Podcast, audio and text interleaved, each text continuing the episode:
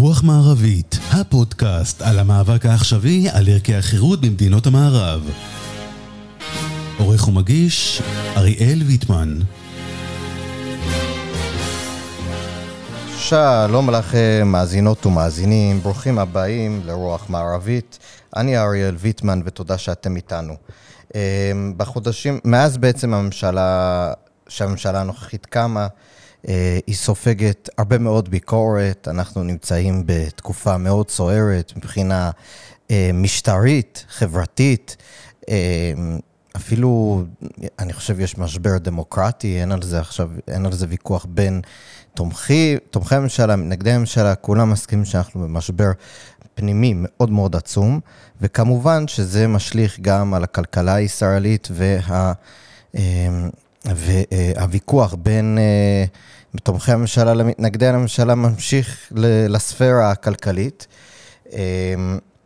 וכמובן שהרבה מאוד, רוב הביקורת שהממשלה ספגה גם בתחום הכלכלי, היא ככה היה סביב הרפורמה, סלש המהפכה המשפטית. כלכלנים בכירים מכל העולם בעצם, זוכי פרס נובל ובכירים במגזר הציבורי במשרד האוצר לשעבר. וגם בהווה, כן, הכלכלנית הראשית הנוכחית ואנשי אגף התקציבים הנוכחים, גם הם התריעו ומתריעים על המשך קידום הרפורמה והנזקים שלטעמם היא תביא. אבל, אבל לא רק, אנחנו שומעים גם uh, ביקורת uh, מאוד מאוד uh, משמעותית על התקציב וחוק ההסדרים שהובאה, שהובאו, למשל, בכל, בכל הקשור לתקציבים הקואליציוניים, שהרבה מהם הלכו לחברה החרדית, המימון של בתי ספר ומוסדות שלא מלמדים לימודי ליבה, ועוד ועוד ועוד, דברים שנותנים תמריצים כמובן.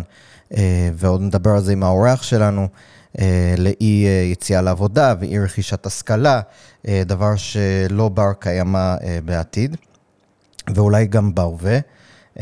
אז כמובן, גם בנוסף לכך, שבחוק ההסדרים ובתקציב, גם שר האוצר סמוטריץ' עצמו הודה שלא היו איזשהו רפורמות משמעותיות להורדת יוקר המחיה. הוא טען ש... בעצם אחרי שהתקציב יעבור, כלומר עכשיו, אה, עכשיו יעשו ועדה להורדת יוקר המחיה, ראש הממשלה הקים ועדה, והיא בעצם אה, תהיה התשובה אה, לבעיית יוקר המחיה במדינת ישראל. אבל אני קצת מטיל בכך ספק, מה שנקרא, כי מה שלרוב לא קורה בחוק ההסדרים ובתקציב המדינה, לרוב לא באמת מתממש בצורה רצינית בעתיד. אבל מי יודע? אז כדי לדון בכל זה, ועוד הרבה כמובן, אני שמח לארח את דוד ברודט. דוד ברודט כיהן במספר רב של תפקידי מפתח במערכת הכלכלית, עסקית ושוק ההון במדינת ישראל, בהם הממונה על התקציבים במשרד האוצר, מנכ"ל משרד האוצר, יו"ר בנק מזרחי, חברת יס ובנק לאומי. הוא גם עמד בראש הוועדה לבחינת תקציב הביטחון. אז uh, הוא האיש, באמת, אני חושב שצריך לדבר איתו בכל הנושאים האלה ועוד הרבה, כל מה שקורה כאן uh, מבחינה כלכלית, ואולי אפילו חברתית, כי הוא באמת היה בכל התפקידים. אז דוד ברודט, ברוכים הבאים לתוכנית. ברוכים הנמצאים, ותודה רבה שהזמנת אותי. אני שמח להיות בשיחה הזאת. תודה רבה, דוד. אז אני רוצה לשאול אותך, uh, קודם כל ולפני הכל, שר האוצר, אפילו אתמול שמעתי אותו בגלי צה"ל, מתראיין, והוא אמר, בעצם המצב הכלכלי בישראל הוא מעולה, הכל טוב, מה שמפריע אה, זה סך הכל ההפגנות נגד הממשלה שמלחיצות את האנשים, אה, אתה יודע, אה, שמפחידות את המשקיעים, אבל בסך הכל הכל טוב, ואפילו שנעשה את הרפורמה הזאת, אז סלאש מהפכה, כל אחד איך שהוא קורא לזה, אז, אז הכל יהיה בסדר, ומתישהו המשקיעים יבינו שסך הכל זה מחזק את הדמוקרטיה, והכל טוב, אין מה לדאוג. אז, אז בוא, כאילו, מתוך כל הניסיון הרב שלך, כשאתה מסתכל על אמירות כאלה מול המציאות, מה, מי נכון, מה נכון, מי צודק, מה... איך אפשר להסתכל בכלל על מה שקורה כיום עם הטענות של הממשלה מצד אחד, ומצד שני, כשאנחנו רואים את מה שאומרים כלכלנים בכירים, אה, ו- ובעצם נתונים של, אה, של מה שקורה כאן. טוב, אני רוצה להפתיע אותך, באמת המצב הכלכלי הוא טוב. מהמם. אבל השאלה היא למה הוא טוב. וזה בעצם נקודת, אה, נקודה מאוד חשובה כדי לנתח אותה. המצב הוא טוב, אבל לא כתוצאה מהממשלה הנוכחית, לא ממעשה הממשלה הנוכחית.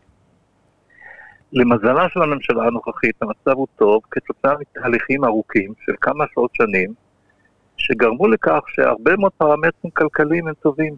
מהמם. יש לנו יתרות מטבע חוץ אה, גבוהות, כ-200 מיליארד שקל, יחס חוב תוצר נמוך של כ-60 אחוז, הגירעון של הממשלה סביר, אה, למרות כל הבעיות. יש לנו תעשיית, עדיין תעשיית הייטק טובה, עודף ומאזן תשלומים, שיעור אבטלה נמוך, אבל כל זה לא כתוצאה ממעשה הממשלה הנוכחית. זה פשוט ירושה מתמשכת מתהליכים כלכליים ארוכים, ואני יכול להפתיע אותך עוד בזה, זה יכול להיות שגם בעוד שנה, שנתיים המצב יהיה טוב, למרות שמעשי הממשלה הנוכחית הם שליליים, אני אפרט אותם אחר כך.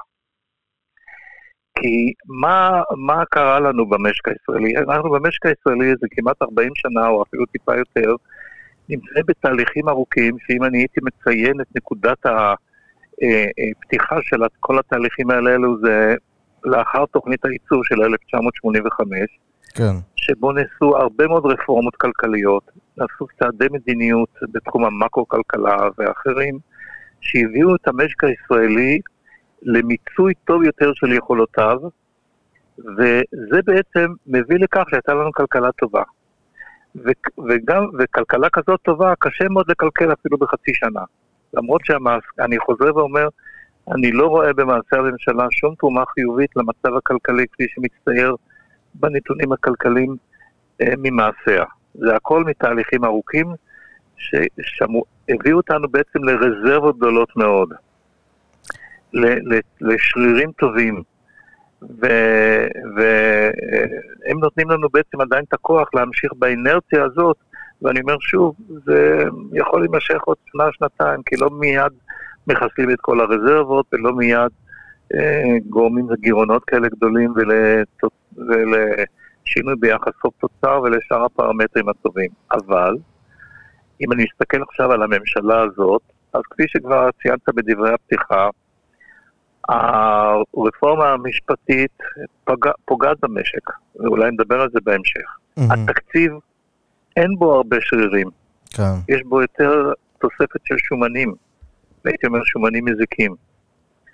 אין בו הרבה רפורמות, כפי שגם שר האוצר אמר. נכון. ולכן, לכן, אה, אה, אם אני מסתכל על, על, על הדברים בנוסח כפי שציינתי אותם, אם הממשלה הזאת תמשיך בדרכה בדרך הזאת, היא תשאיר משהו יותר טוב לממשלות הבאות, משהו יותר רע לממשלות הבאות, לא כמו שהיא קיבלה משהו טוב לממשלות הקודמות. כן. כי כלכלה טובה זה מירוץ ארוך של רפורמות ומדיניות והשקעות, ו- ולכן אה, במרוץ הגדול הזה היום הממשלה נהנית מהעבר, והתקציב הנוכחי והמשכו לא בטוח שישאיר לנו דברים טובים לעתיד. וה- וההפך, יש בנושא, בנושאים מסוימים שהזכרת אותם, ואולי גם נדבר עליהם בהרחבה, כל היחס לעולם החרדי, מהמם. או לכלכלה, לכלכלה החרדית, היא משיגה את המשק אחורה. נכון. אני רוצה שנייה רק לחדד את מה שאתה אומר. בעצם אתה קצת, אני מרגיש שאתה קצת יותר מסויג בהקשר של הביקורת מהרבה מאוד מעמיתיך הכלכלנים, במובן הזה שהם בעצם ממש טוענים שהממשלה גורמת לפגיעה ממשית. אני רואה כותרות אה, שההייטק אה, קורס כאן יותר במקומות אחרים בעולם, אה, אנחנו ממש, ב, אתה יודע, לקראת משבר וכותרות כאלה, ואתה אומר... בסדר, הממשלה פוגעת, אבל זה לא משהו שאנחנו צפויים לראות במיידי יותר אולי במקומות אחרים, אלא זה משהו לטווח יותר ארוך, ומשהו שכרגע אנחנו לא יכולים לדעת אולי מה יהיו התוצאות ה- ה- לטווח הארוך של המעשים של הממשלה. לא, לא, אני, אני, שות, אני שותף לביקורת. של מרבית הכלכלנים לגבי מדיניות הממשלה, אבל יש פה איזשהו אבסורד ואיזושהי דילמה.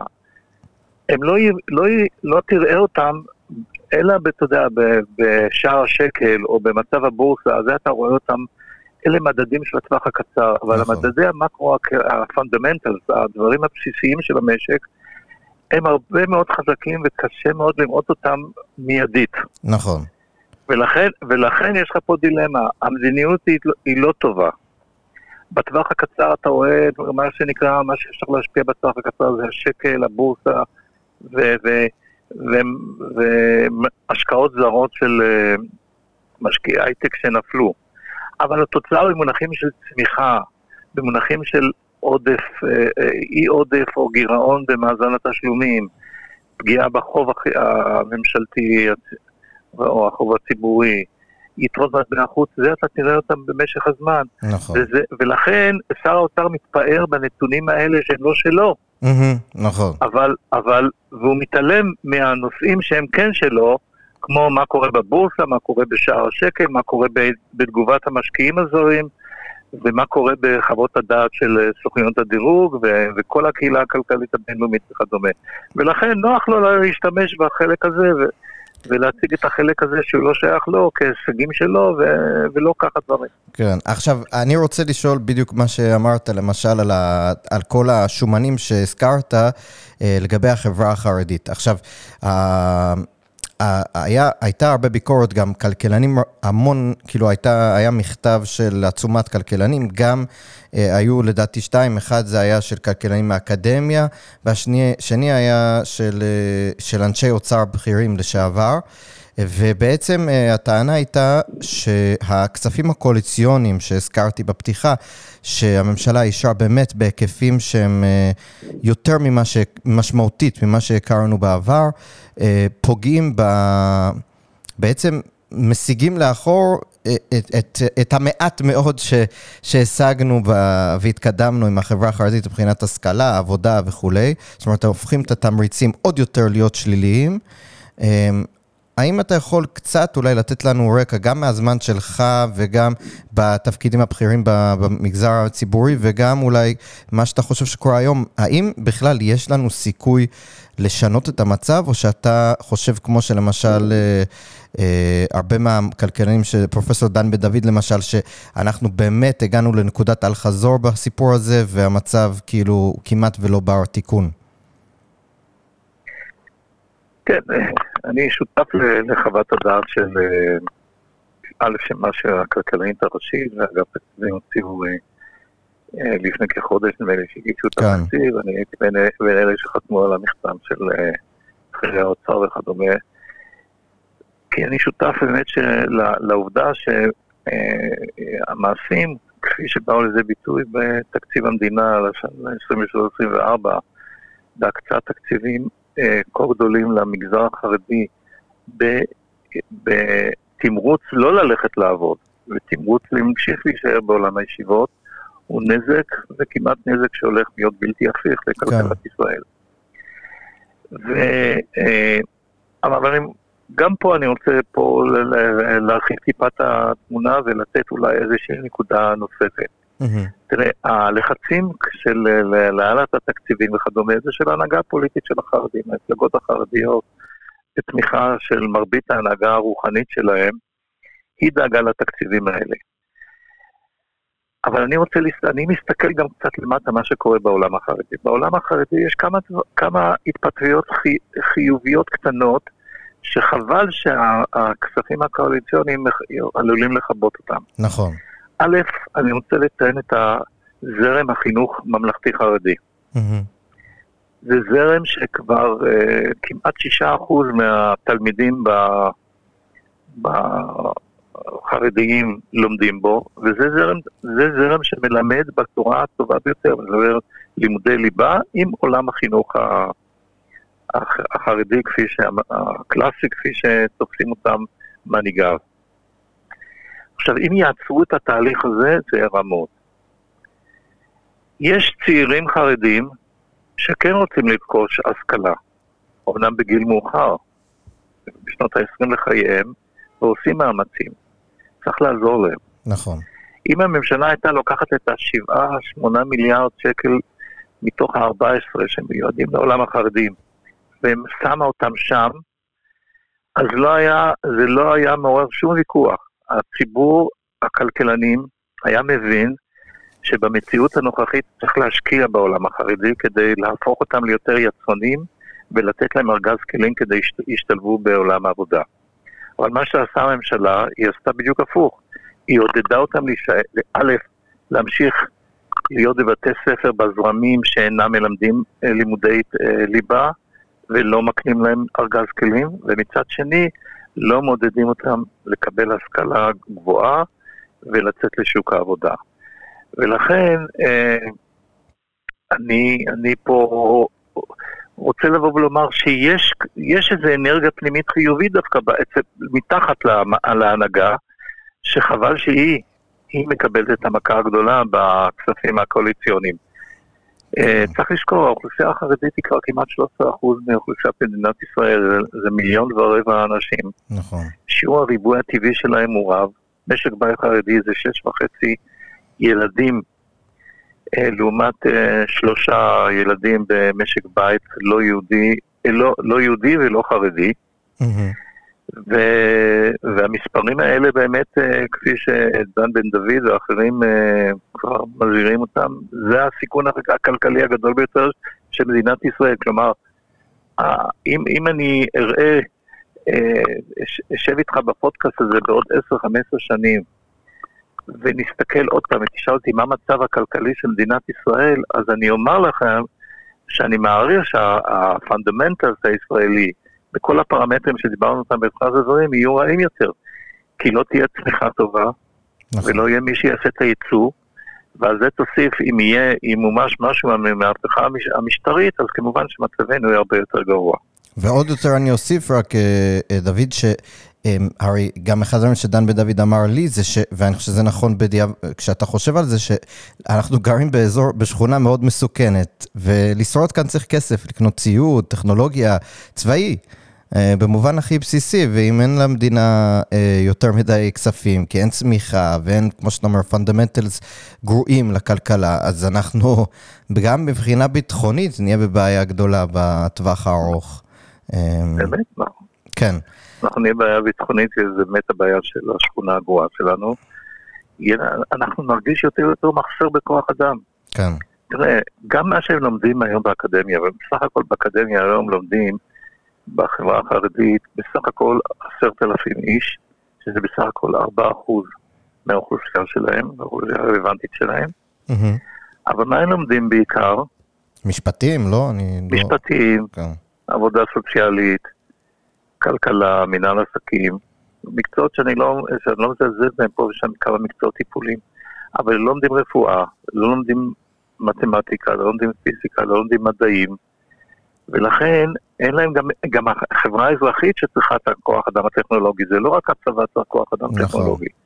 גם החברה האזרחית צריכה, אנחנו יכולים להיות חברה מאוד טכנולוגית, והצרכים של החברה הטכנולוגית, ומזה אנחנו, היום אנחנו מייבאים את העובדים, היום אנחנו מייבאים את העובדים הפשוטים, או פלסטינאים וזרים, אבל בתחומים של בנייה, חקלאות ושירותי סיעוד. כן. אם יימשך המצב הזה, אני צריך להביא גם כוח אדם טכנולוגי. כן, בזמנו דיברו להביא אנשים מהודו, מאוקראינה וזה, היה דיבור כזה. כן, זה, זה... לא, אני אומר, לא, אז מה שעושים כרגע, אנחנו עושים, חברות ההייטק עושים מיקור חוץ. כן. אנחנו מדברים היום על תעשיית ההייטק, אני כבר לא מדבר על המהפכה והשפעתה, אני מדבר במצב הנורמלי של הדברים. Mm-hmm. Uh, התעשייה הישראלית, תעשיית ההייטק הישראלית, יש לה היום מיקור חוץ של כמה אלפים רב, רבים.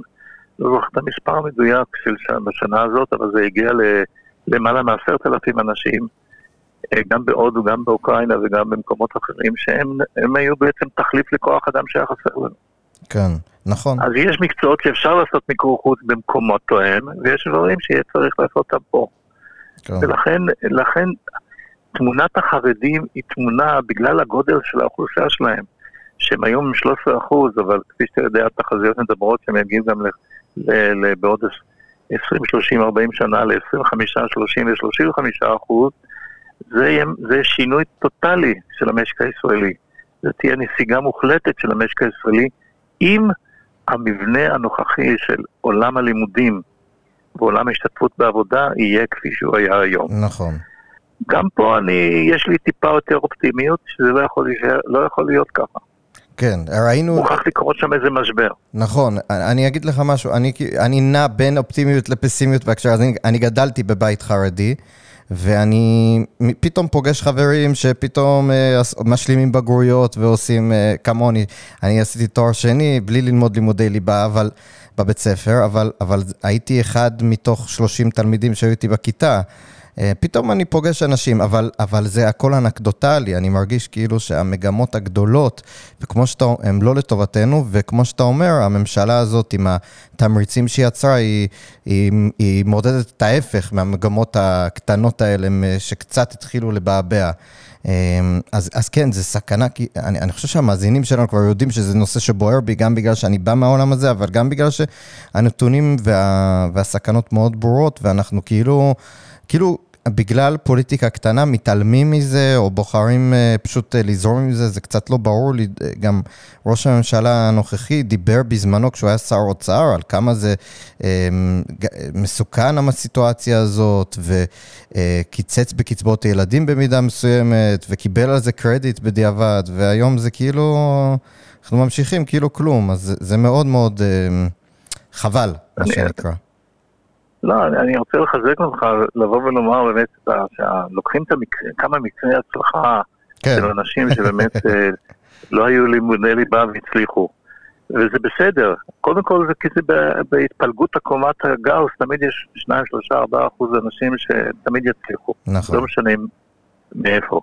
אבל רוב הציבור שלא מקבל את סיפורי, ה, את, ה, את ההכשרה המקצועית הזאת, לא יכול בשנה להשלים אה, נכון. תואר, להשלים אה, מכינה אפילו לקראת תואר, כשחסר לו מתמטיקה, חסר לו פיזיקה, חסר לו שפה עברית טובה, וחסר לו נכון. כמובן מדעים, וחסר לו אנגלית, ולהגיע לתוצאות טובות. אני, אני מכיר גם כן כמה מקרים כאלה.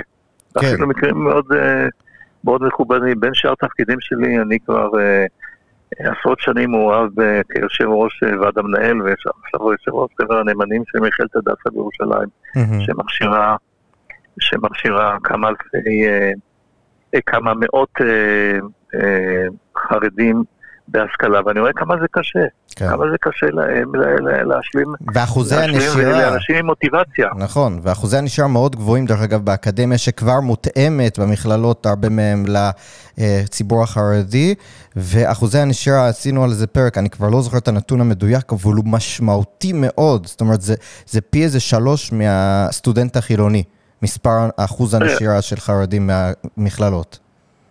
החרדים מבינים שזה דורש מאמץ ללמוד. עובדה שהם מקדישים עשרות שעות בשבוע בישיבה ללימודי הדת. נכון. ו- ולכן הם, הם רוצים באמת ש... שהבחורי הישיבה יקבלו את כל התכנים ויעמיקו ויטמיעו בצורה מסודרת ומלאה את הלימודים הללו. אותו הדבר זה גם בלימודי הכלליים, ככה צריך לנהוג, צריך להטמיע ו- ו- ולהפנים את הלימודים בצורה מלאה כדי שיוכלו להשתמש בזה. מי שלומד בצורה שטחית כזאת, רק בשביל לקבל אחר כך אולי תואר במובן הסביבי, זה לא, זה לא, זה לא תורם לכלכלה. לא תהיה טובה. כן, אני מסכים. כן. אני רוצה לשאול עכשיו שאלה שאתה יודע, אנחנו ככה, מה שנקרא pick your brain, אנחנו נמצאים בסיטואציה שבו היוקר המחיה אה, בכותרות כל יום, יש כותרת אחרת אה, על, אה, אתה יודע, היה לנו איזה חצי שנה שכל יום אתה מדליק את הטלוויזיה, אתה רואה עוד חברה העלתה מחירים, אה, זה פה הקטשופ עולה, הטונה עלתה, זה עלה, כולם, ו, וכל הפוליטיקאים מציעים הצעות, ורובם המוחלט אה, הצעות שרק יזיקו, אבל... אה, זה, זה, כבר, אה, זה כבר כאילו מובן מאליו כבר, אבל, אבל מה שאני רוצה לשאול זה, זה בעצם שאלה עם שני חלקים. א', מה, כש, כשסיימנו את הקורונה בממשלה הקודמת, אני זוכר, והתחילה האינפלציה בעולם, אז כולם דיברו והתגאו בכך שהאינפלציה בישראל היא נמוכה יחסית לעולם. אז השאלה הראשונה שלי, האם, מה קרה שאנחנו בעצם עכשיו, כש...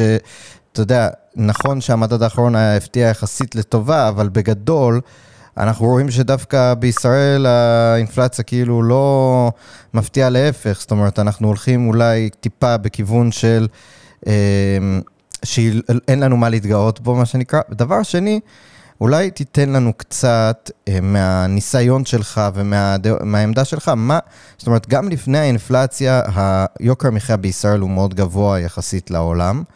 אני חושב די בכל מדד אה, אפשרי. מה בגדול הסיבות לכך שבישראל כל כך יקר אה, לעומת אה, רוב המדינות המפותחות בעולם? תראה, אנחנו אה, משק קטן, שגם ככל שהוא נפתח, הוא עדיין לא פתוח מספיק. לכלכלה הבינלאומית ולכלכלה הגלובלית, לפחות לא בכל הנושאים. יש, יש תחומים, דרך אגב, שהתחרות היא טובה והמחירים הם לא, הם לא בשמיים. Mm-hmm. כי נעשו, או שנעשו רפורמות טובות, למשל בתקשורת. נכון. מחירי התקשורת בישראל לא גבוהים היום. הם, הם אפילו נמוכים, הייתי אומר. אה, אה, הפתיחות ליבוא במוצרים שכירים פשוטים, כמו יבוא הלבשה והנהלה, נכון. ומוצרים מסורתיים כאלה של צעצועים וכדומה, שפעם זה היה בשמיים, היום את אולי, אה, לא רוצה להגיד אידיאלית, אבל היא יחסית טובה. אני, אני מוכרח להציג את הדברים הטובים כדי להבליט את השוני בין, בין מספר מוצרים כמו, כמו שאמרתי, תקשורת, אה, הלבשה והנהלה ומוצרים מסורתיים שיש בו שוק אה, גדול, רחב ופתוח בינלאומית. אה, המכסים ירדו בו, נכון. ולכן המחירים בו הם נורמליים. לעומת זאת, יש לנו הרבה מאוד תחומים שבהם התחרות היא נמוכה. בחקלאות אנחנו יודעים את זה. כן. יש ניסיון גדול מאוד הרבה זמן לעשות פתיחות לחקלאות ולמוצרים החקלאיים, אם זה הפירות והירקות מצד אחד, ואם זה מוצרי החלב והבשר והעוף מצד שני. פה אנחנו נמצאים באלמנטים אה, ייחודיים לישראל. אחד מהם זה כמובן אה, המרחק שלנו להביא את הסחורה הטריה הזאת, אבל זה יחסית לא, לא מגבלה מאוד גדולה. השנייה זה כשרות. אתה בעולם החרדי, אתה יודע שגם בכשרות יש כשרויות, לא כשרות אחת. נכון. וכל אחד עוד צריך את הכשרות שלו, וכל אחד מוסיף את הבד"ץ המיוחד שלו, ולכן גם הכשרות היא, היא עלות נוספת שהצרכן הישראלי משלם.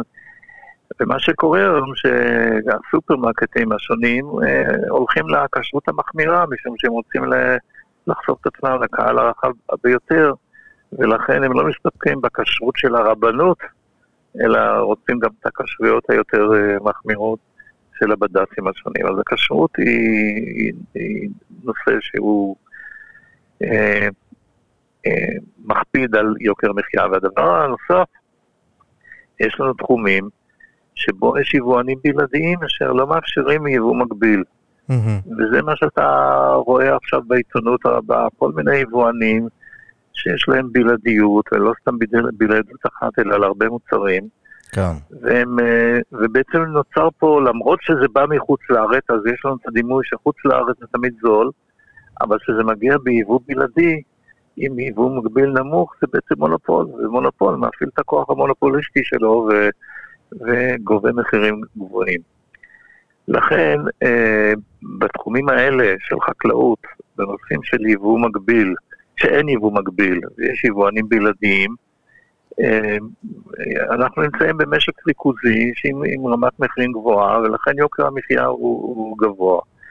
עכשיו, היה, אה, מיד כמו שאתה אומר, אחרי הקורונה, אנחנו נמצאנו בסיטואציה אה, קצת אינפלציונית מטבעה, משום ששרשרות האספקה שובשו, mm-hmm. ההובלה הימית הייתה גבוהה, ולכן הייתה איזו לגיטימציה להעלות מחירים.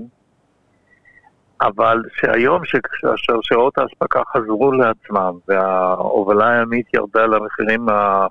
לפני הקורונה, כתוצאה מהכוח המונופוליסטי הזה של היבואנים הבלעדיים, הם לא מורידים את המחירים והשאירו אותם גבוהים. כלומר, אנחנו סבלנו מעליית האינפלציה בשנתיים האחרונות, אבל זה יוקר מחיה גבוה שנובע מהבלעדיות שהתגבר, והתוצאה היא ש... ש, שזה גורם, זאת אומרת, צריך להבין כרגע באינפלציה. Mm-hmm. יש לי מומחיות באינפלציה, משום שלפני 40 שנה הייתי המפקח המחירים בתוכנית הייצוב, אז אני ככה התמחיתי בנושא. בדיוק, אני רוצה לשאול אותך גם על תוכנית הייצוב בגדול, כי זה מאוד מעניין, אבל אה, נו, אז מה אתה אומר על אינפלציה לפני כן? בוא רגע נגמור את הנושא הזה. כן. אז הנושא הזה, אינפלציה, יש בה את האלמנט, אנחנו נמצאים כרגע באינפלציה שהיא... היא אינפלציית עלויות שנובעה, שהחלה ממחירים בינלאומיים גבוהים, מהובלה וכדומה. יש לנו גם אלמנט מסוים של, של הייתי אומר, אינפלציית ביקושים, במובן זה שבתקופת הקורונה זרם פה המון כסף, גם עם הממשלה וגם נכון. מתעשיית ההייטק. ואז, כשיש אינפלציה אפילו קטנה, יש ציפיות שחלק מהדברים האלה יימשכו. גם אצל צרכנים ועוד יותר אצל יצרנים, אומרים, אה, זה מה שבארצות הברית קוראים את הש- האינפלציה הדביקה, ה-sticky inflation. ולכן התהליך הזה הוא, הוא, הוא מאוד, מאוד ככה מורכב, והדרך הדרך בארצות הברית שנוהגים בה היא, היא הדרך שעכשיו אנחנו גם נוהגים בה, זה הריבית הגבוהה. נכון. כדי לתת, לתת אה, מכה גדולה מאוד של ריבית גבוהה, שהצרכנים ירגישו את המחיר, שהיצרנים ירגישו את המחיר.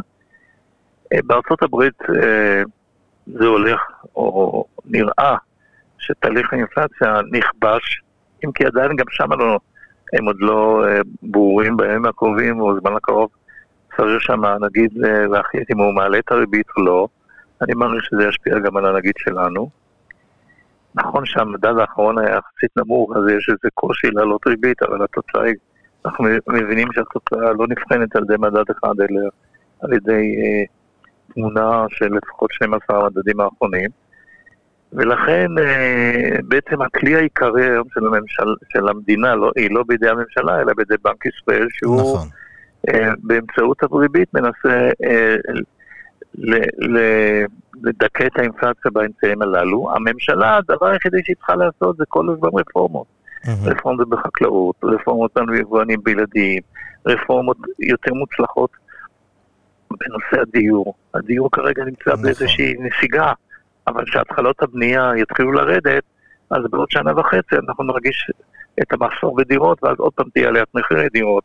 כלומר, הטיפול הוא, הוא צריך להיות טיפול סקטוריאלי, אין טיפול אחד בכל, בכל תחום וכל תחום. חקלאות זה נושא אחד, דיור זה נושא שני, יבואנים בל- בלעדיים זה נושא שלישי, נושאים שקשורים ל, ל, ל, לרשתות השיווק זה נושא רביעי, ו, וכך הלאה וכך הלאה. אה, אה, צריך כן. לעבור תחום-תחום. אני רוצה רק כדי לראות להוסיף, שיוקר המחיה גם יקטן וגם לא ישליך בציפיותיו לגבי תמונת המקרו הכללית כן. של האינפלציה. אני מסכים. אני רוצה רק להוסיף גם בנושא של ה... בשתי דברים. קודם כל, הנושא של החקלאות, הממשלה הקודמת עשתה, הציגה רפורמה בחקלאות שב, שאושרה, ו, ועכשיו הממשלה הנוכחית, משרד החקלאות הנוכחי, פשוט די אה, עצר, עצר את הרפורמה, וגם היה להם אה, רפורמה משלימה של אה, רפורמה ב, ב, בהגנת הצומח, שבעצם אה, נגיד מורידים את המכס אפילו לאפס. אבל אם אין אישור להכניס איזשהו פרי בגלל תקנות להגנת הצומח, אז זה לא משנה, כי אי אפשר להכניס את הפרי ולהכניס יותר אה, תחרות. אה, והיה להם איזושהי רפורמה להקל, ובתוך מסגרת של ניהול סיכונים וכולי, והממשלה הנוכחית פשוט, אה, פשוט לא קידמה את זה, זה כרגע לא מקודם, אז כאילו רוב הפירות והירקות ש, שבעצם כלולות ברפורמה והורידו להם מכסים, לא יכולים לייבא אותם גם כך. אז אה, זה ככה איזושהי הערה על מה שאתה אומר, שמחזקת את הדברים שלך, שאנחנו לא, הממשלה הנוכחית לא עושה בעצם כלום בהקשר של רפורמות, וכמו שאמרנו, גם שר האוצר הודה בזה. אה, וכך גם בנושא של יבוא בלעד, אה, בלעדי ומקביל, ו- אה, שהזכרת, ו- ובאמת, זאת אומרת, אי אפשר, אה, אה, כשמקימים ועדה ליוקר מחיה, אבל זה לא, אין פה איזה חידושים מטורפים, אנחנו יודעים, ראש הממשלה והשרים יודעים מה צריך לעשות, מקימים ועדה, למה מקימים ועדה? לא ברור לי, כי, זה, כי הדברים על השולחן, זאת אומרת, יש לה, לאוצר יש אה, רפורמות מוכנות במגירה, מה שנקרא. אה, זה לא, אין פה איזה, זה לא מדע... אה, נקרא לזה גרעין. זה מדע ש, ש, שידוע לשרים ולאנשי המקצוע, ואפשר לקדם את זה בלי, בלי ועדה, אם באמת רוצים. אה, זה לפחות דעתי. כן, נכון, הזכרת פה באמת את הגנת הצומח, אבל זה משהו יותר רחב. זה כל הנושא של תקינה. הרבה נכון, פעמים התקינה נכון. היא, היא non-tariff barriers, כלומר הוא המחסום. כבר 30 שנה, מהתקופה שאני הייתי ממונה על תקציבים לפני למעלה מ-30 שנה, כבר התחלנו לטפל בזה, ולאט לאט פה ושם מורידים איזה נכון. מחסום כזה או קטן לגבי התקינה במקום, כבר לפני 30 שנה, אני יכול לומר לך שבאוצר, אנחנו המלצנו לאמץ תקינה בינלאומית של מדינות מפותחות, לא של מהמם. מדינות בלתי מפותחות. והייתה התנגדות של התעשיינים, של מכון נכון. התקנים וכל ה, כל הממסד הזה. ואפילו היום עדיין הנושא הזה לא לגמרי אה, משודר, למרות שאולי יש התקדמות מסוימת. לכן אני אומר, זאת, זאת מלאכה מאוד מאוד אה, אה, עמוסה ו- סיזיפית. ורצופה, כן. וסיזיפית, סיזיפית במובן הזה שהיא עמוסה ורצופה, אני מקווה לא סיזיפית במובן הזה של התועלת של, ה, של המאמץ הזה, ולכן לכן, לכן זה מה שחשוב ברפורמות. הרפורמות שאנחנו התחלנו בהן בשנות ה-80, אחרי תוכנית הייצוב, אחרי אה, 1985, היה לנו ברור בתחומים שונים, ויש לנו הצלחות גדולות מאוד, למשל בשווקי הכספים, בשוקי ההון, יש לנו הרבה מאוד הצלחות בנושאים הללו. מהמם. תקשורת, הצלחות מאוד, אבל זאת עבודה שצריכים לעבור בה סקטור סקטור, ענף ענף, ולהוציא ממנו את המגבלה המקומית הקטנה, נכון. ליצור את, ה, את, ליצור את הזרימה הטובה, וזאת התוצאה, וזו התוצאה שמצטברת בסוף לאותו אלמנט שנקרא אינפלציה. נכון. האינפלציה היא תוצאה של כל התהליכים האלה. והייתי רק מוסיף עוד משהו אחד קטן, שמה שמאוד מתסכל בדברים האלה זה שהרי בסוף פוליטיקאי, התפקיד שלו זה לקבל תגמול מהיר. הוא רוצה להיבחר שוב, במיוחד כיום שהבחירות זה כל יומיים בערך. ובדברים האלה, כמו שאתה ציינת בתחילת השיחה, התוצאות הרבה פעמים נראות שנים קדימה. זאת אומרת, אה, כמו שאמרת, תוצאות של ממשלה אחת היום, יכול להיות שרק נראה אותן בעוד שנה, שנתיים ושלוש, ופוליטיקאי שהוא רוצה קרדיט עכשיו, אז הרבה פעמים אין לו את התמריץ הפוליטי לבצע מהלכים שבטווח הקצר למשל יהיו קבוצות אינטרס שאולי ייפגעו ויכעסו עליו, ומי שירוויח מזה לא יראה את זה לש... בשנה, שנתיים הקרובות, וזה באמת אה, פוליטית מאוד קשה, לכן אני חושב לקבל את ה... שהפוליטיקאים בעצם יקדמו את הדברים האלה. זה, זה אני חושב, אחד החסמים העיקריים בכל התחום הזה. נכון, נכון. בכל מקרה, בדיוק, אז, אז, אז זה בדיוק מביא אותי לשאלה הבאה של תוכנית הייצוב, ש... אה, אה, אה, זאת אומרת, איך בעצם אתם כאנשי מקצוע באותה תקופה, אה, הצלחתם, כמובן שזה קורה כשהממשלה והפוליטיקאים נמצאים עם הגב אל הקיר, אבל תוכל קצת, ממש לא עכשיו, זה, זה, זה, זה לפרק שלם, אבל מעניין אותי ככה חוויה של מישהו שהיה בעצם, אני חושב, זה, זה הרפורמה המשמעותית שהצילה את כלכלת ישראל, אני חושב, אין על זה בכלל ספק בראייה היסטורית. מה, איך זה עבד? איך הצלחתם לשכנע פוליטיקאים שכמובן רוצים, כמו שאמרנו, קרדיט עכשיו, ולא לריב עם אף קבוצה ולא לעצבן אף אחד, לעשות רפורמה כל כך מקיפה, כל כך כאילו שונה ממה שהמדינה הזאת הכירה עד אז? איך זה עבד מאחורי הקלעים קצת? תראה, זה באמת סיפור. זה סיפור שהוא מוכר, אבל אתה יודע, צריך לספר אותו כדי באמת להבין מה, מה קרה. אנחנו ניסינו באמצע שנות ה-80, מאוד, התוכנית הייצוב, יש לה תאריך, ראשון ביולי 1985, והממשלה קיבלה את כל ההחלטות. אבל כבר שנה לפני כן, המצב היה חמור מאוד. וכבר האינפלציה התחילה כבר לעבור את ה-400 אחוז, לשנ... לש... 400 אחוז אינפלציה לשנה, זה היה באמת על סף, על סף אפילו עליית מדרגה נוספת וכמעט אי שליטה.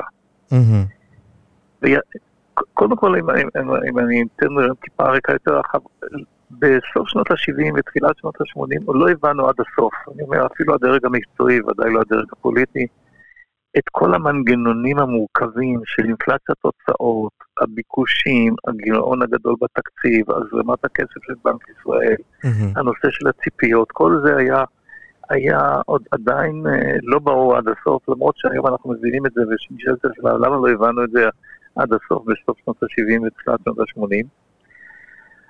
אבל לאחר שכבר הבנו, הממשלה עשתה טעויות, חלק גדול. רוב, רוב רובה של האינפלציה זה מעשה ידי אדם, לא, זה לא נבע מאיזשהו דבר אחר, אתה יודע. נכון. אומרים, הייתה מלחמת יום הכיפורים, היה משבר הדלק וכדומה. זה נכון, היה, משבר, היה מלחמת יום הכיפורים, היה משבר הדלק, היה משבר חומרי גלם, אבל ההתנהלות של הממשלות מסוף שנות ה-70 עד אמצע שנות ה-80 היא זאת אשר בסופו של דבר הביאה אותנו מאינפלציה שהייתה בשנת 1977, משהו בסביבות 40-50 אחוז ל-400-500 אחוז, 7-8 שנים יותר מאוחר. אבל אם, אתה, אם אנחנו מתייחסים כרגע, הלחץ של המציאות המורכבת מצד אחד, והעובדה שנוצרה ממשלת אחדות לאומית, צריך לזכור, בשנת 1984 הייתה, היו בחירות, mm-hmm. וביוני נדמה לי, או ביולי 84, וכעבור uh, חודש קמה ממשלת אחדות לאומית עם איזה למעלה מ-90 חברי כנסת שתמכו בה. זה נתן, הייתי אומר, אור מאוד uh, ירוק ליכולת קצת לבודד את הפוליטיקה מהצורך בצעדים. אבל גם זה לא היה מיד.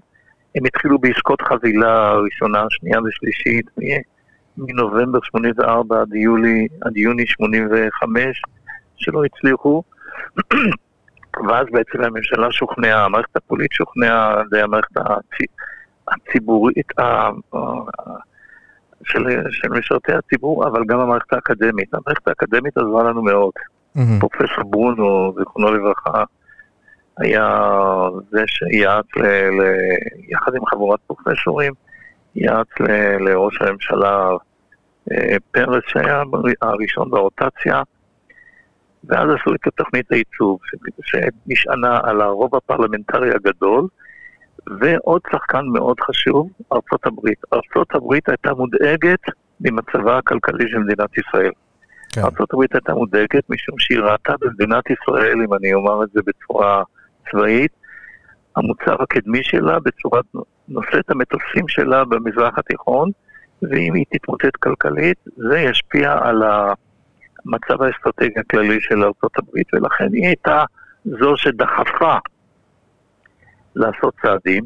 היא mm-hmm. סייעה במת... ב... בסיוע של שני כלכלנים בכירים שהיו, אה, שהועמדו על ידי ה-State Department כדי לעזור למדינת ישראל, אחד מהם זה סטנלי פישר שהיה אחר כך נכון. נגיד.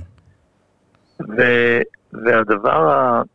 אה, הנוסף הוא באמת היה גם יצירת אה, שיתוף פעולה בין המעסיקים, ההסתדרות והממשלה, כלומר ממשלת ערבות לאומית, ארצות הברית, שיתוף פעולה מקומי בין כל הגורמים. זה לא היה אידיאלי, אבל אני מציג את זה כרגע בתמונה כללית. Mm-hmm. ונכונות לעשות את כל הצעדים הנכונים. ואז התוכנית הייצוב הורידה, הורידה בבת אחת מגירעון של 15% מהתוצר, אני חוזר, בשנת 1984-85, היה בתקציב המדינה 15% מהתוצר, והוריד את זה לאפס, mm-hmm. הופסקה הפסקת הדפסת הכסף על ידי בנק ישראל, שזה היה דבר מותר על פי החוק הקודם, כלומר החוק משנת 1954, ורק עבור 30 שנה בעצם הוא נקבע בחוק שאסור לבנק ישראל לממן את הגירעונות של הממשלה. כן. ומהסיפור ההצלחה הזה של עשרות רפורמות, כולל אה, משהו שאחר כך הפך להיות מושג, זה אותו חוק, חוק ההסדרים. חוק נכון. ההסדרים נוסד בתוכנית הייצוב, משום שהיה צריך לשנות עשרות חוקים, ואז בעצם מישהו בא עם רעיון, בואו במקום נעשה את, את השינוי בעשרות חוקים בטור, נעשה את זה בבת אחת בחוק אה, מיוחד. וזה בעצם היה כלי שהשתמשו בו במשך כל אותם שנים עד היום, במינונים שונים. לכן ממשלת אחדות, עזרת ארצות הברית, שיתוף פעולה בין כל המגזרים במשק, אה, רפורמות ענקיות, חוק ההסדרים, וכתוצאה מכך המשק חזר אה, לאט לאט למסלול, והדינמיקה הזאת, המומנטום הזה, בעשור הראשון, 1986-1996, הוא עשור מאוד מאוד קריטי בכמות הרפורמות שלו, שהתחילו לבצע בעצם שלושה ארבעה מהלכים גדולים. כן. בכותרות אני אומר. א', התחילה הפרטה, נכון. שזה באמת היה חלק משלים. התחילה רפורמות, מה שנקרא ליברליזציה בתוך השוק המקומי. התחילה אמ, חשיפה גדולה, זה בשוק הבינלאומי, וחוזקה מאוד הרגולציה. כלומר, נושאים שהיו בעבר לא מפוקחים ולא ברורים ולא מוסדרים, אה, התחילו להבין שאי אפשר רפורמות ואי אפשר לעשות פרוויטיזציה ואי אפשר לעשות את כל המהלכים גם אם לא איזו רגולציה תומכת בנושאים הללו. לכן רגולציה, הסדרה, ליברליזציה, ובשוק הפנימי ובשוק החיצוני, זה היה בעשור הזה, 86, 96. אחר כך היה איזה קצת מיתון בנושא הזה, צריך לעכל את כל הדברים, ואחר כך היה צריך להמשיך את זה, משום שהתברר שהמשק עדיין לא, חז... לא הגיע עדיין לרמת תחרותיות ורמת תפקוד טובה, ואז יש את הצעדים שעשה נתניהו בשנות האלפיים, כהמשך ברפורמות מסוג אחר, ואחר כך נמשכו הרפורמות, אמנם לא בעוצרות הגדולות של העשור הראשון, אבל זה היה ברור לכל ממשלה, כולל לממשלת נתניהו בשנים אה, גם שהיה שר אוצר זה ברור, אבל גם שהיה ראש הממשלה מ-2009, שרפורמות, רפורמות, רפורמות, זה הדרך ליצור את הגמישות הנאותה ואת ההתאמה של המשק לתחרות, ליעילות,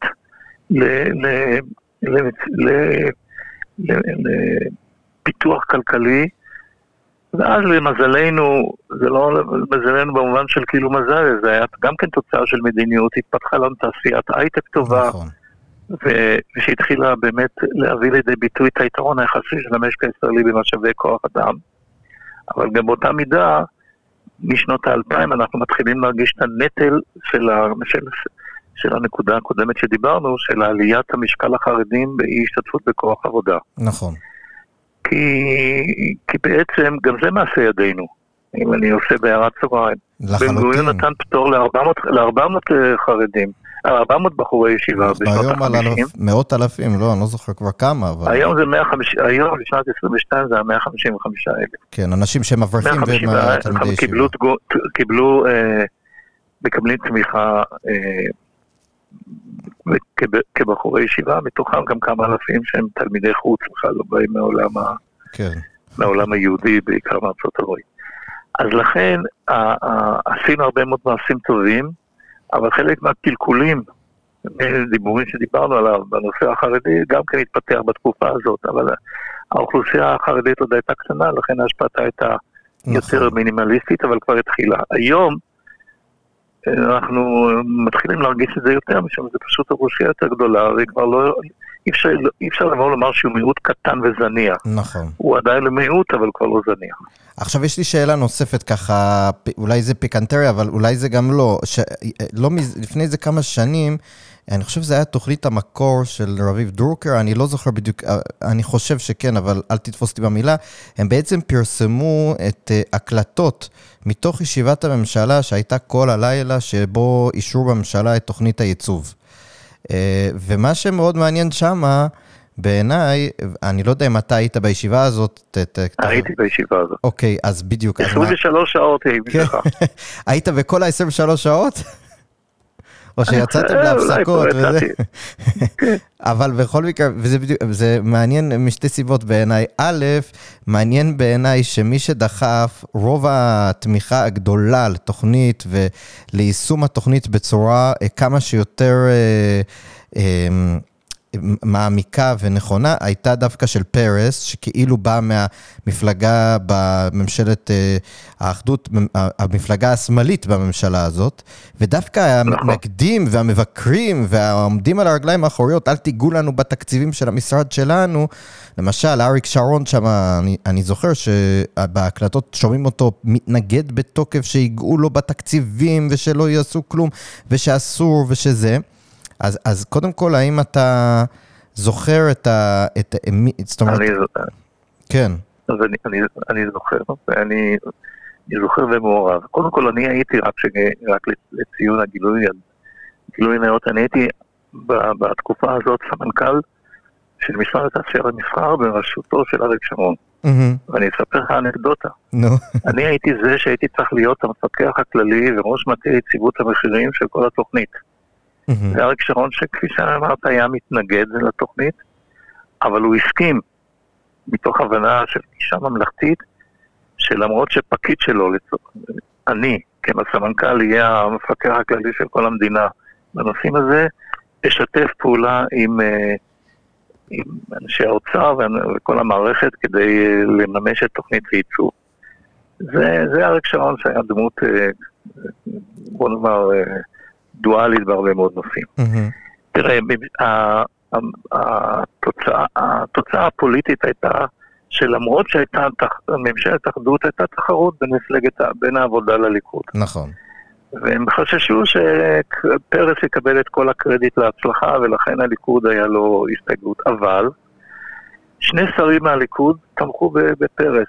זה יצחק שמיר, שהיה ממלא מקום, הוא ראש הממשלה ברוטציה השנייה, mm-hmm. שוודאי לא רצה לסכן את הרוטציה, ויצחק מודעי שהיה שר אוצר. נכון. לכן בתמיכה של שני שרי הליכוד האלה, בניגוד לשאר שרי הליכוד, מפלגת העבודה העבירה את תוכנית הייצוב, ואני אומר שוב, זה לא היה ויכוח מקצועי, זה היה ויכוח על הקרדיט הפוליטי. נכון. וכמובן גם איזה אינטרסים משרדיים, אבל כולם, אה, כולם היו צריכים לתרום לעניין הזה. אני זוכר את יצחק רבין שהיה שר ביטחון, mm-hmm. וביטחון, אתה יודע, זה נושא מאוד קריטי במדינת ישראל.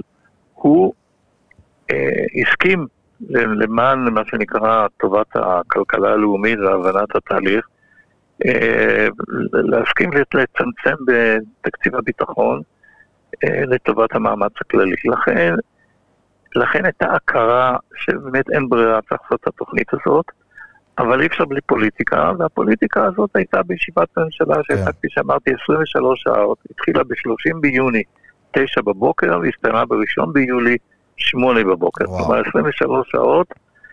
אה, אני יכול לבוא לומר אם מזיכרוני, אני אולי פה ושם הייתי יוצא לאיזה הפסקות קלות, אבל... אה, פרס, אני חושב, היה כל ה-23 שעות, באופן רצוף. כן, אומרים שהוא הרדים את כל השרים, ולכן ככה הוא קיבל את התמיכה, כי הם כולם הלכו לישון. נכון, הוא הוביל את הממשלה וכדומה, אבל הדיון היה בסופו של דבר דיון מהותי.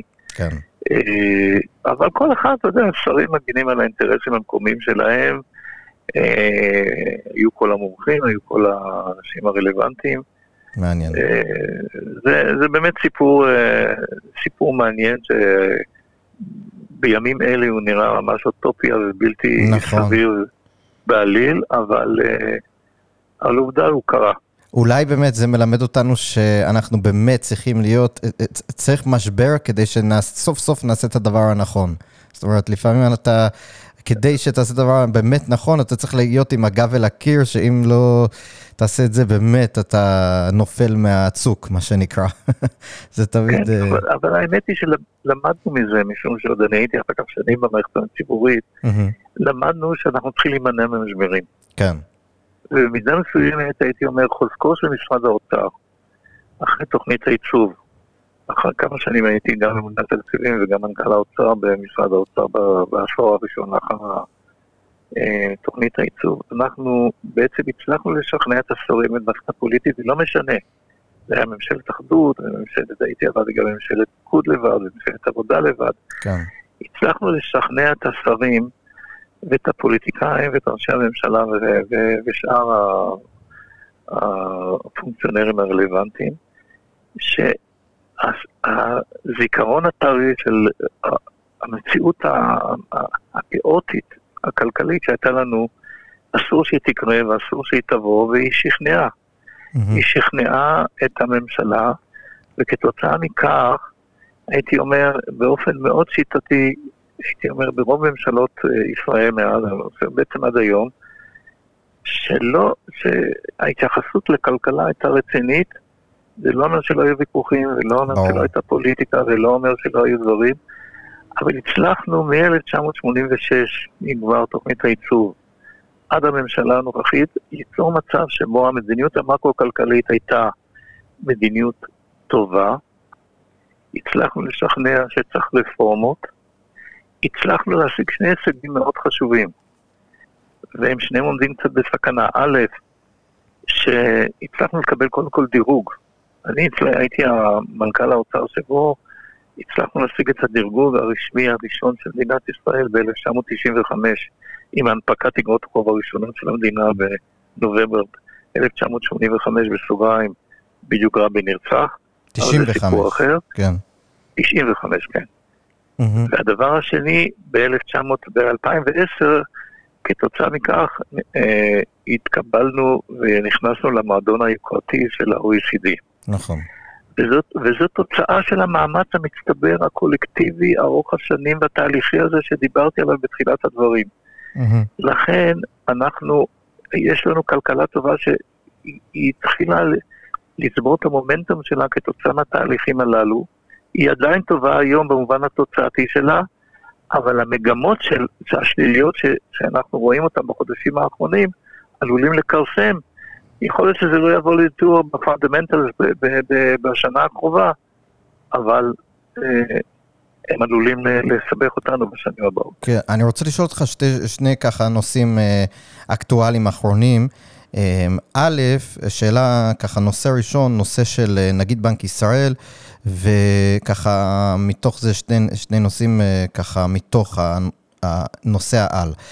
האם אה, אתמול, אנחנו מקליטים את השיחה הזאת, כש, כאשר אתמול פורסם שהנגיד אה, בעצם אה, קרא למנכ"לי הבנקים בישראל, ובעצם אה, ככה דווח שהוא, אפשר לקרוא לזה נזף בהם, או ביקש מהם אה, לתת אה, ריבית על העו"ש בעקבות אה, עליות הריביות שקורית, ואנשים שלא מקבלים ריבית על העו"ש, והכסף יושב, שם ומאבד אולי גם מערכו וגם וכולי. אז, אז א', בתור מי שהיה גם בכיר בבנקים בישראל, איך אתה חושב ש... קודם כל הבנקים מתנהלים עם הביקורת הזאת, והאם המעשה, הביקורת הזאת של הנגיד אתמול הייתה נכונה? ו, ושאלה נוספת בהקשר של הנגיד, כדי שפשוט נחבר את הדברים, פורסם שנתניהו לא רוצה להאריך את הכהונה שלו, של פרופסור אמיר ירון בתור הנגיד. במצב שזו הממשלה עכשיו, שכל שנייה מישהו אחר מהקואליציה או מהממשלה תוקף את הנגיד, וברמות שאני לא זוכר דבר כזה, לפחות בעשורים האחרונים, אה, ברמה כזאת, מי בכלל יכול, האם מישהו בעל שיעור קומה ירצה להיכנס לנעליים של הנגיד, או שאנחנו נמצאים במצב שבו באמת כנראה יצטרכו ללכת לרמה, לדרג ב' או ג' של אה, אנשי מקצוע, כי מי ירצה באמת להיכנס לתוך הטירוף הזה? אז בוא נתחיל מהשאלה השנייה, וזה יוביל אותי לשאלה כן. הראשונה שלך. אני באמת חושב שזה מצב בלתי סביר. קודם כל ההתקפות האישיות האלה על הנגיד וההתבצעויות באמת חסרות התקדים. אני חושב שהנגיד בסך הכל עושה את עבודתו טוב, ואין שום סיבה שהוא לא ימשיך. הוא בסך הכל מסיים חמש שנים מאוד מעניינות ומאוד מרתקות בכלכלת ישראל, והוא התמודד עם הבעיות, עם הקורונה, נכון. וכל, ועם, ועם שאר הדברים בצורה מקצועית וטובה, ולכן על פניו, אם הייתי צריך לראות לפי הביצועים שלו, כולל ההתנהגות שלו בנושא הריבית, הוא לא המציא את האינפלציה, האינפלציה קיימת. הדרך העיקרית של שימוש בריבית כאינפלציה זה מרשם, אה, מרשם רפואי במרכאות קבוע וידוע בכל העולם, ולכן הוא השתמש במרשם הזה ועשה את זה במידתיות הנכונה לאור האינפלציה, ודיברנו על כך שיש לאינפלציה היום איזשהו sticky inflation, זה דביקות. שאם לא יטפלו ב, ב, ב, בציפיות שלה, היא יכולה להימשך, ולכן שיעור הריבית הנוכחי, ואני חושב ש... אני לא יודע מה הוא יעשה, אבל על, על פי הדיון המקצועי, אם האינפלציה מסתובבת היום לקרוב לחמישה אחוז, אז הריבית צריכה לעלות מ-4.75 גם אפילו ל-5 ול-5 ורבע אחוז. כך שמבחינה הזאת הוא, הוא מתנהג באופן מקצועי. ואני מסכים איתך שאם, שאם הוא לא יחודש, אז זה לא... זה יהיה מסר שבעצם לאף אדם רציני אה, לא יוכל לקבל את התפקיד הזה, ופה אני מתקשר לך לנושא של הריבית. Mm-hmm. תראה, על, ה, על, ה, על הפגישה הזאת שהייתה עם מנהלי הבנקים. תראה, בסך הכל בעולם לא מקובל, לא ראש הממשלה וגם לא הבנק המרכזי יתערב בשיעורי הריבית וב... ויקבע את שיעורי הריבית לבנקים. זה דבר לא מקובל. אני חושב שאין מצב כזה בעולם. ואם יש איזו מדינה איזוטרית שיש בה, אז היא, כפי שהבנת, היא איזוטרית ולא המדינה העיקרית. הנגיד נמצא בלחץ. והפגישה הזאת, צריך להבין, הייתה פגישה בלחץ. ומאיפה הלחץ? הנגיד נמצא בלחץ משום שמאיימים בכנסת חברי כנסת פופוליסטים, ובנושא הזה גם הקואליציה וגם האופוזיציה, mm-hmm. לחוקק חוקים אשר יכתיבו את שיעורי הריבית, או יעשו מעשים כסוג הזה. עכשיו, הנגיד מאוד לא רוצה שיהיה חקיקה כזאת. חקיקה מהסוג הזה היא בעצם כמו החקיקות המשטריות שאנחנו מדברים עליהן בנושאים של, של ה... מערכת המשפט. אה, מערכת המשפט. זה יוסיף עוד איזשהו אלמנט שיכול להגיע לפגיעה בדירוג האשראי. כי זה דבר לא מקובל שהמערכת הפוליטית נכנסת למערכת המקצועית הבנקאית. אני לא נכנס כרגע אה, אה, לרווחי הבנקים שהם גבוהים ובעצם אה, יוצרים בעצם את, ה, את הלחץ הזה הציבורי. אה, אם כי צריך לבוא לומר, הציבור צריך לדעת שיש לו, לו אפשרות ללכת ולקבל ריבית, אם יעשים את זה באיזשהו פיקדון קצוב מועד, ואז נכון. הוא, הוא יקבל איזשהו ריבית, שניים, שלושה, ארבע, תלוי לאיזה אורכי זמן, הוא ייקח אותם, ולכן זה לא איזה מצב שבו אין אפשרות כזאת, יש אפשרות, ועדיין עשו צעדים מסוג הזה אנשים, אבל הם לא, נשאר עדיין היקף גדול מאוד. יכול להיות שהבנקים צריכים לעשות מאמץ יותר גדול. אה, בנק לאומי עשה איזשהו מאמץ לתת גם משהו על עו"ש, אבל בתנאים ככה קצת לא, לא נדיבים נקרא לזה ככה. כן. אה, ולכן הנגיד בעצם אומר לבנקים, במקום חקיקה שתזיק לכם ותזיק לי, ותזיק למדינת ישראל, בואו תעשו משהו אחר. תעזרו לי. אז אני יודע, הם יעשו אולי משהו, משהו כזה, אבל צריך לזכור, הציבור, יש היום, אומרים איזה 500 מיליארד שקל בעו"ש. חלק זה עו"ש של חברות שצריכות את זה בזמינות ובנזילות גדולה, אז הם אה, עושים את זה, הם אה, מסתכלים את זה אחרת. הזכרת את תוכנית הייצוא ואת האינפלציה הגדולה. בתקופת האינפלציה הגדולה, אנשים לא החזיקו אפילו את המשכורת מתחילת החודש עד סופה בחשבון עו"ש. הם מיד הצמידו את זה באיזשהו פיקדון עם ריבית גבוהה או במטבע חוץ. כנראה שהציבור אומר, באינפלציה של חמישה אחוז, אני מוכן לסבול את השחיקה הזאת של כמה עשיריות האחוז לחודש. אה, אבל זה כמובן יוצר, יוצר איזשהו יתרון לבנקים, ולכן הנגיד נמצא פה בדילמה, הבנקים נמצאים בדילמה, ומדינת ישראל נמצאת בדילמה. כלומר, החקיקה היא מאוד לא נכונה, ו... וגם בנק ישראל לא רוצה להוציא תקנות, כי גם זה לא, נכון. לא, לא נראה לו. אז הוא מדבר על מה שנקרא ליבם של הבנקים שיעשו צעדים, ונראה מה הם יעשו, אבל זה לא... זה לא אה, מה שנקרא מהלך עסקים רגיל. כן. זה מהלך עסקים רגיל במדינת ישראל הנוכחית, שבו אה, המערכת הפוליטית היא זאת אחת הדוגמאות של, של באמת הניסיון הפוליטי הזה לבוא לומר, אני רוצה להביע את דעתי בכל תחום, וגם בתחומים המקצועיים שאין לנו מושג בהם. המיוחדים כמו בנקאות, שבדרך כלל לא מקובל שהמערכת הפוליטית תתערב בהם. כן, אתה זוכר תקופה כזאת שנגיד, אני, אני בארץ עליתי בגיל 15, נגיד, אני פה כבר 25 שנה, אתה זוכר תקופה כזאת ש... כל כך הפוליטיקאים התערבו רטורית, ואפילו גם עם הצעות חוק הזויות שכאלה. לא, לא. אני לא זוכר דבר כזה. לא, תראה, היו ויכוחים והערות על נגידים, אפילו אני בתקופתי זה היה ככה במנכ"ל האוצר ושר האוצר, לפעמים היינו אומרים איזה הערה לגבי הנגיד. אבל, אבל לא מצב מסוג הזה, זה לא, זה לא קיים, זה לא, זה, זה לא שזה לא קיים, זה גם ממש ב, בסגנון, כן. בסגנון תרבותי שלא לא משרת שום דבר. אני יכול להבין הערות ביקורתיות למרות שאני לא, אני לא מסכים לביקורת, משום שאין ברירה לנו להגיד להם את הריבית, אבל מישהו שלא מבין כלכלה אמר את זה הערה, ודאי לא שרים, mm-hmm. שרים שהם הם צריכים להיות, עצמאות בנק ישראל היא חשובה, ואם יפגעו בעצמאות בנק ישראל וייצאו את החקיקה הזאת, ואם יוסיפו את כל האווירה המשפטית הזאת, זה רק יפגע במדינת ישראל. המשקיעים, שגם ככה אומרים, תראו איזה מדינה כזאת, איזה, איזה, איזה התנהלות כזאת. אה, לא חייבים להיות להשקיע במדינה מסוג כזה אם לא, אם לא צריך, אז לכן אה, זה מיותר, זה לא נחוץ, זה גם לא נכון, ומעמידים, מכניסים לדיל, לדילמות שהן לא, לא, לא טובות.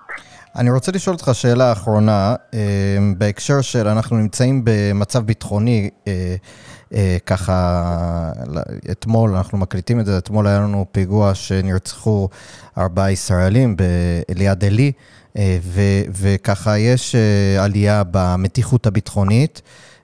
לא כזה מזמן לנו גם מבצע בעזה וכולי. ומעניין אותי לשמוע, אתה בעצם ניהלת את המשא ומתן הכלכלי עם הפלסטינים במשא ומתן שהיה בפריז בזמנו. אז, אז יש לך קצת הבנה על, על מה שקורה ברשות הפלסטינית עצמה. מבחינה כלכלית, הרשות עצמה יכולה לשרוד בלי הגב שישראל נותנת לה? זאת אומרת, אם אנחנו, אני מניח, אם אנחנו מסתכלים היום על רוב הסקרים, אז הישראלים, אמנם, אה, אני חושב, אה, אני לא יודע, צריך לראות את הסקרים המדויקים בימינו, אבל ממה שאני זוכר, רוב הישראלים אה, אומרים שאין פרטנר, זאת אומרת, זה ה... אי אפשר להתקדם במשא ומתן המדיני מצד אחד, אבל מצד שני, אני חושב שרובם כן תומכים בקיומה של הרשות כאיזשהו... כי אני מניח שרוב האנשים לא רוצים לכבוש וממש להכניס את הצבא שוב לערים הפלסטיניות וכולי. האם בכלל יש לרשות אפשרות לשרוד כלכלית בלי התמיכה שישראל נותנת לה כרגע? מה מצב הרשות כיום לתפיסתך? תראה, מצב הרשות אה, כבר כמה שנים הוא לא טוב. אבל לישראל יש אינטרס שתהיה רשות אה, פלסטינית חזקה ואחראית. ואין ספק שה... שהאמירות לגבי אין פרטנר היא לגבי מהו סוג ההסדר המדיני נכון. שיהיה בינינו ובין הפלסטינים.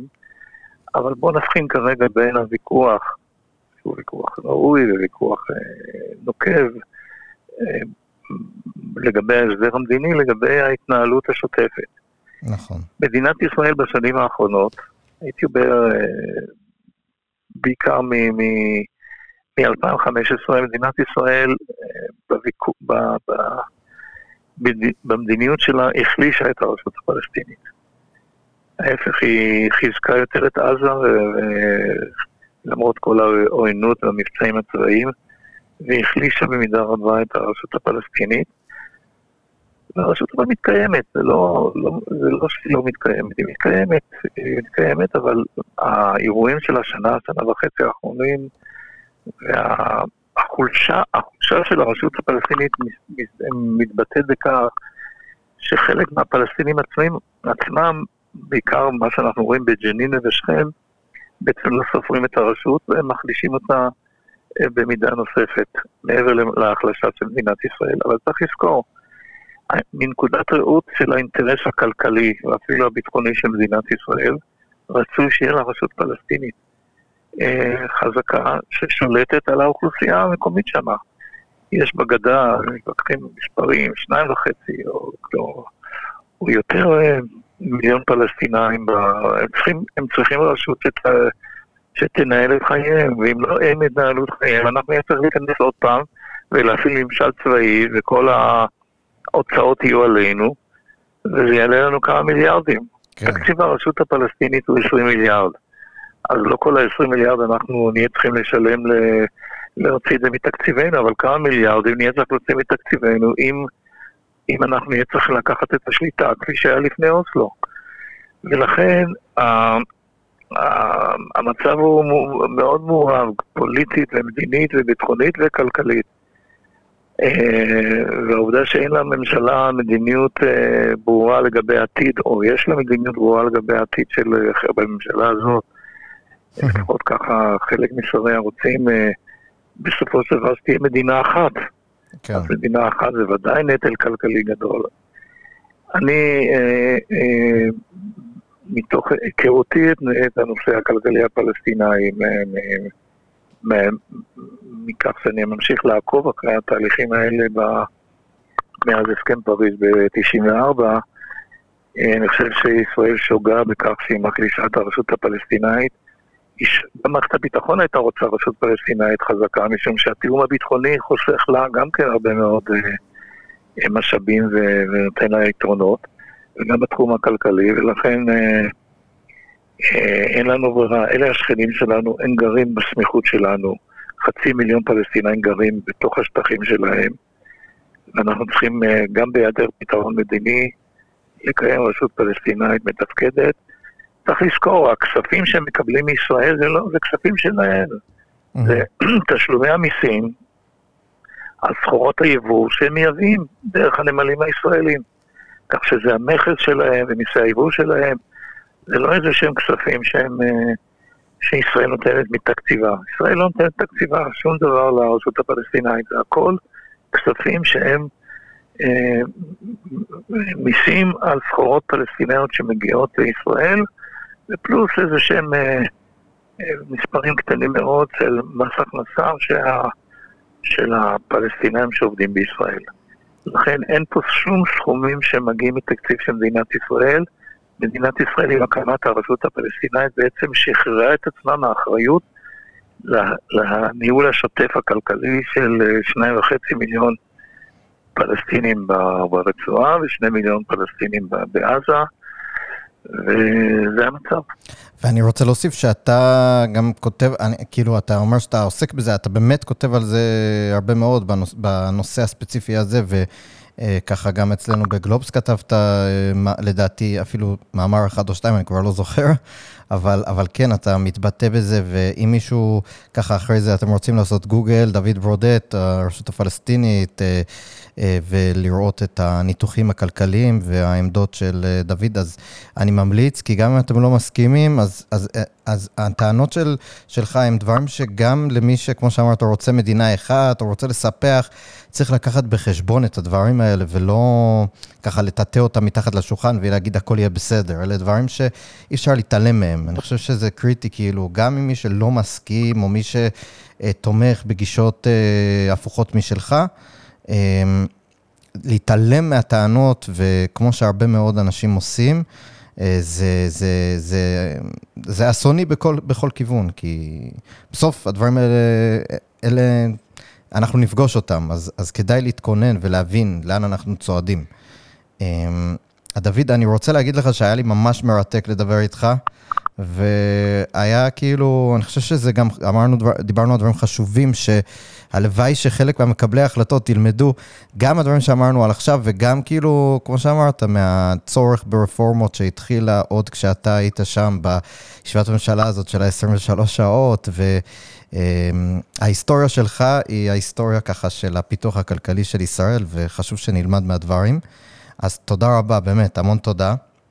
היה ממש תודה גם לך, באמת הייתה שיחה מרתקת ונהניתי ממנה. תודה, כנ"ל והדדי, ואני חושב שהמאזינים אה, יסכימו. אז תודה רבה לכם, מאזינות ומאזינים. תודה רבה שאתם אה, האזנתם לנו לפודקאסט המרתק הזה. אה, כמו שאמרתי לדוד אה, לפני, אה, לפני שנייה, אני חושב ש... אה, שגם אם אנחנו לא מסכימים עם כל דבר, וגם אם אנחנו למשל תומכים בממשלה הזאת או לא תומכים, זה בכלל לא רלוונטי.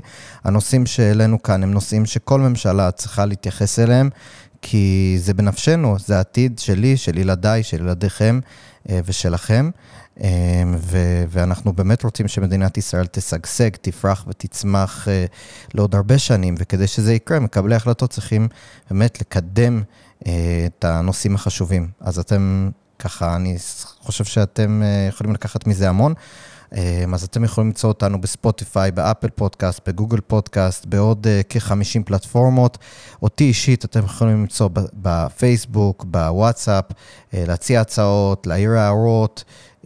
אני תמיד זמין, לפחות משתדל להיות זמין. וזהו, נשתמע בפרק הבא.